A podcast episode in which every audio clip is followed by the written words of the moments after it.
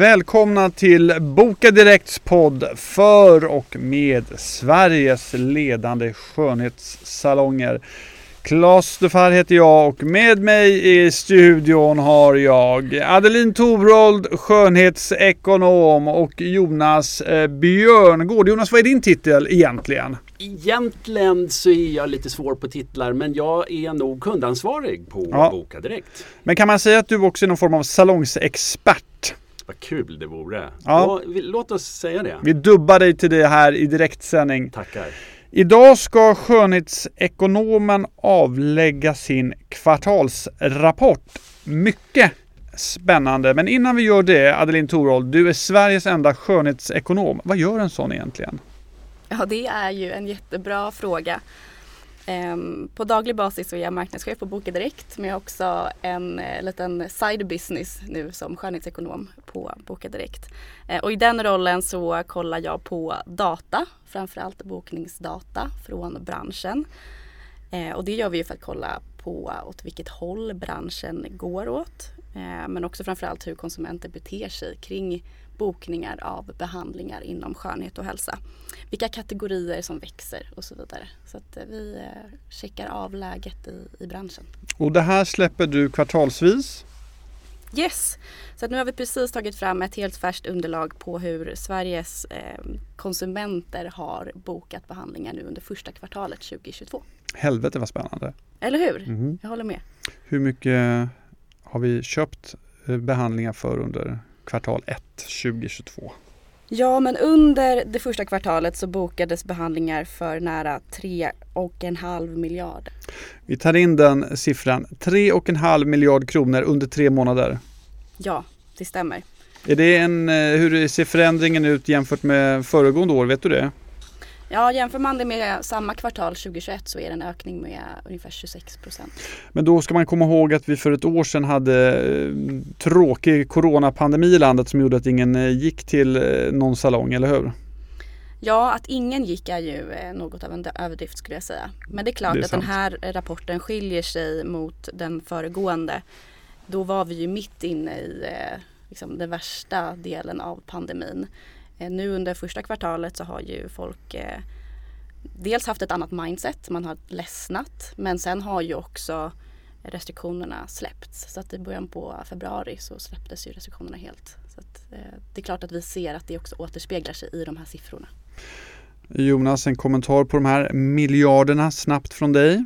Ja, men jag tycker det är superspännande. Det har ju hänt mycket saker och på, på, från våran horisont och ute på salongerna så märker vi ju en stor säga, nästan en ketchup-liknande effekt ute på salongerna. Så det finns många som har haft det tungt och jobbigt under en period som nu har succéproblem av att hitta platser och hitta nya resurser som jobbar hos dem. Det är svårt att hitta nya frisörer, det är svårt att hitta nya och många har ju under den här coronaperioden faktiskt valt att eh, byta, byta bransch och försvinna härifrån. Så att det är faktiskt en hel del problem med att hitta resurser nu. Och det, Sen är det inte bara frisörer vi pratar om, Adeline, utan i de här siffrorna så finns det en massa saker. Bland annat så ökade massagebehandlingar med 25 procent.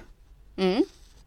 Det är en av kategorierna som har ökat. Eh, Vi ser även att eh, nagelbehandlingar, alltså manikyrer, nagelförlängningar och liknande har ökat med hela 52 procent. Vilket är en ganska otrolig siffra. Det är en hisnande siffra.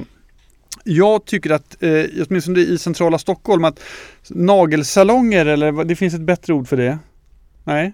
Nagelsalong är nog helt eh, det, det, det kan man säga. Nagelsalonger finns ju var och vartannat gathörn nu. Jag vill minnas att det inte såg ut så för 15 år sedan. Jonas, du tittar på dina eh, vackra händer. Eh, är, eh, är nagelbehandlingar någonting både för män och kvinnor?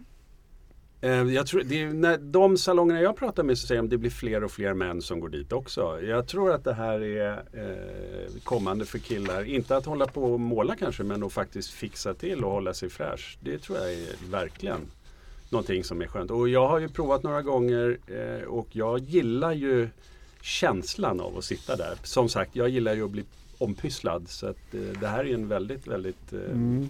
någonting där jag tror att det blir fler och fler killar som kommer. Eh, det är ju en av förändringarna i de här siffrorna som ökningen. Det vi ser, eller det jag kan märka där ute, det är ju att det är fler killar som börjar boka. Tidigare har ju till stor del tjejer bokat men också bokat åt sina killar. Men nu ser vi att killar bokar mer och mer. Eh, vi ser också att killar tar, tar del av eh, skönhetstjänster på ett helt annat sätt än vad de gjorde tidigare. Det är den ena stora förändringen. Den andra stora förändringen som vi ser efter det är ju att de, den äldre gruppen som tidigare har varit väldigt offline har ju nu blivit väldigt online. Och det är den, den kanske mest, den största förändringsskillnaden för det gör att väldigt många av våra gamla system, kontantsystem, eh, kvittoutskrifter och så kommer vi nu på ett helt annat sätt kunna se som faktiskt passé.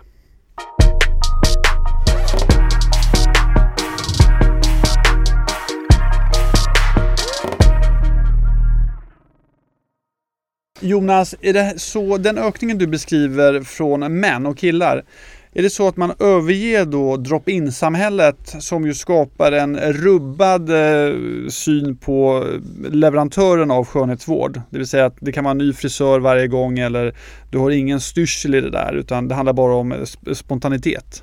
Ja, jag skulle säga att drop-in-samhället har ju fortfarande till viss del i köpcentrum sen, sen, väldigt centrala delar så kommer det fortsätta att finnas, det är jag övertygad om. Men de stora salongerna i de stora köpcentrum och centrumplaceringarna, de har ju börjat efterfråga mer av online bokningstjänster. De, utök, de har ju haft våra system sedan tidigare men använt kassa och bokning i salong men de ökar nu betydligt på onlinebokningssidan också. Det vill säga, med, även om det bara är en kvart, 20 minuter man får stå och vänta vid sin drop-in så orkar man inte det längre utan man vill faktiskt förboka även när man springer omkring i sitt köpcentrum. Adeline Thorold, tillbaks till Skönhetsekonomens rapport. Finns det några mer highlights vi kan presentera? Ja men en grej man kan eh, fundera kring är ju att eh, vi ser ju mycket som tyder på att e-handlare och liknande har haft det ganska tufft. Det finns ju eh, ett historiskt index som heter läppstiftindex som jag tror att det var Estée Lauder som eh, mm. myntade någon gång under början på 2000-talet. Som egentligen säger att skönhetsbranschen har varit ganska motståndskraftig mot ekonomisk turbulens och så.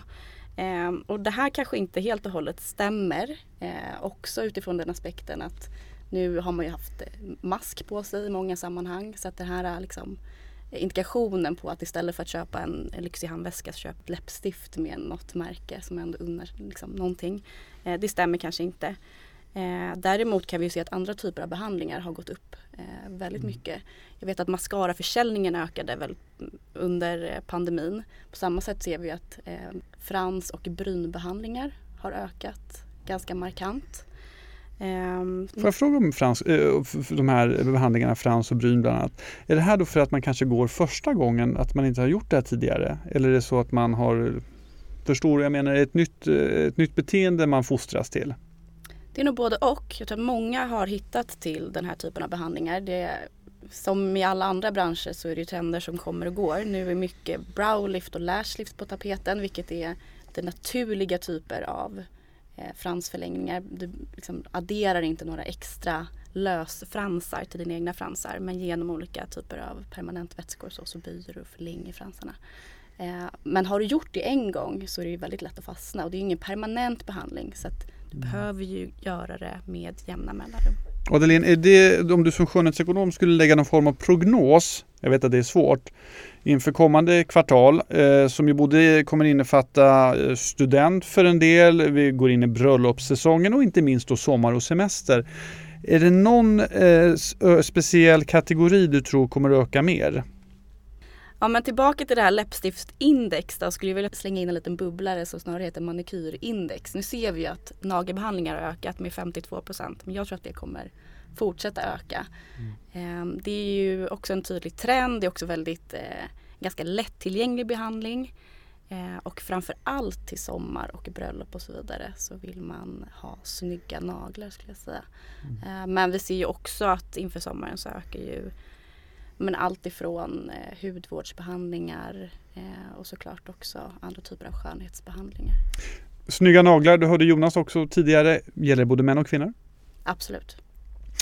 Jonas, har du någon eh, prognos eller kanske gissning vad som kommer öka eller minska kommande tre månader? Ja men eh, jag är inte riktigt lika inne i siffrorna som Adeline men, men jag ser ju någonting som händer inför sommarsäsongerna och som har varit ganska stort de sista kanske eh, fyra, fem åren som vi har sett. Och det är behovet av en onlinebokning så som våran. För att man flyttar sig ju. Om man, om man nu som jag har ett liten stuga nere på Gotland så är jag på sommaren så åker ju liksom jag och inte bara jag ner till Gotland.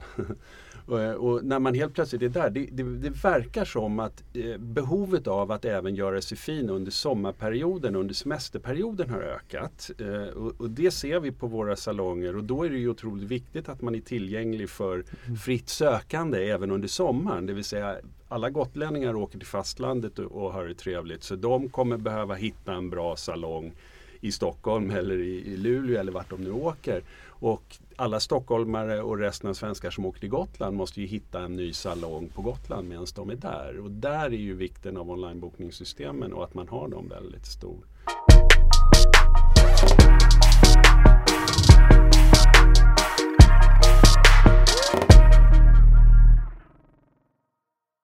Vi har spekulerat lite grann tidigare om att man ska fridlysa vissa behandlingar som vi märker att kanske helt out of fashion eller att eh, ja, de försvinner för, till förmån för något annat.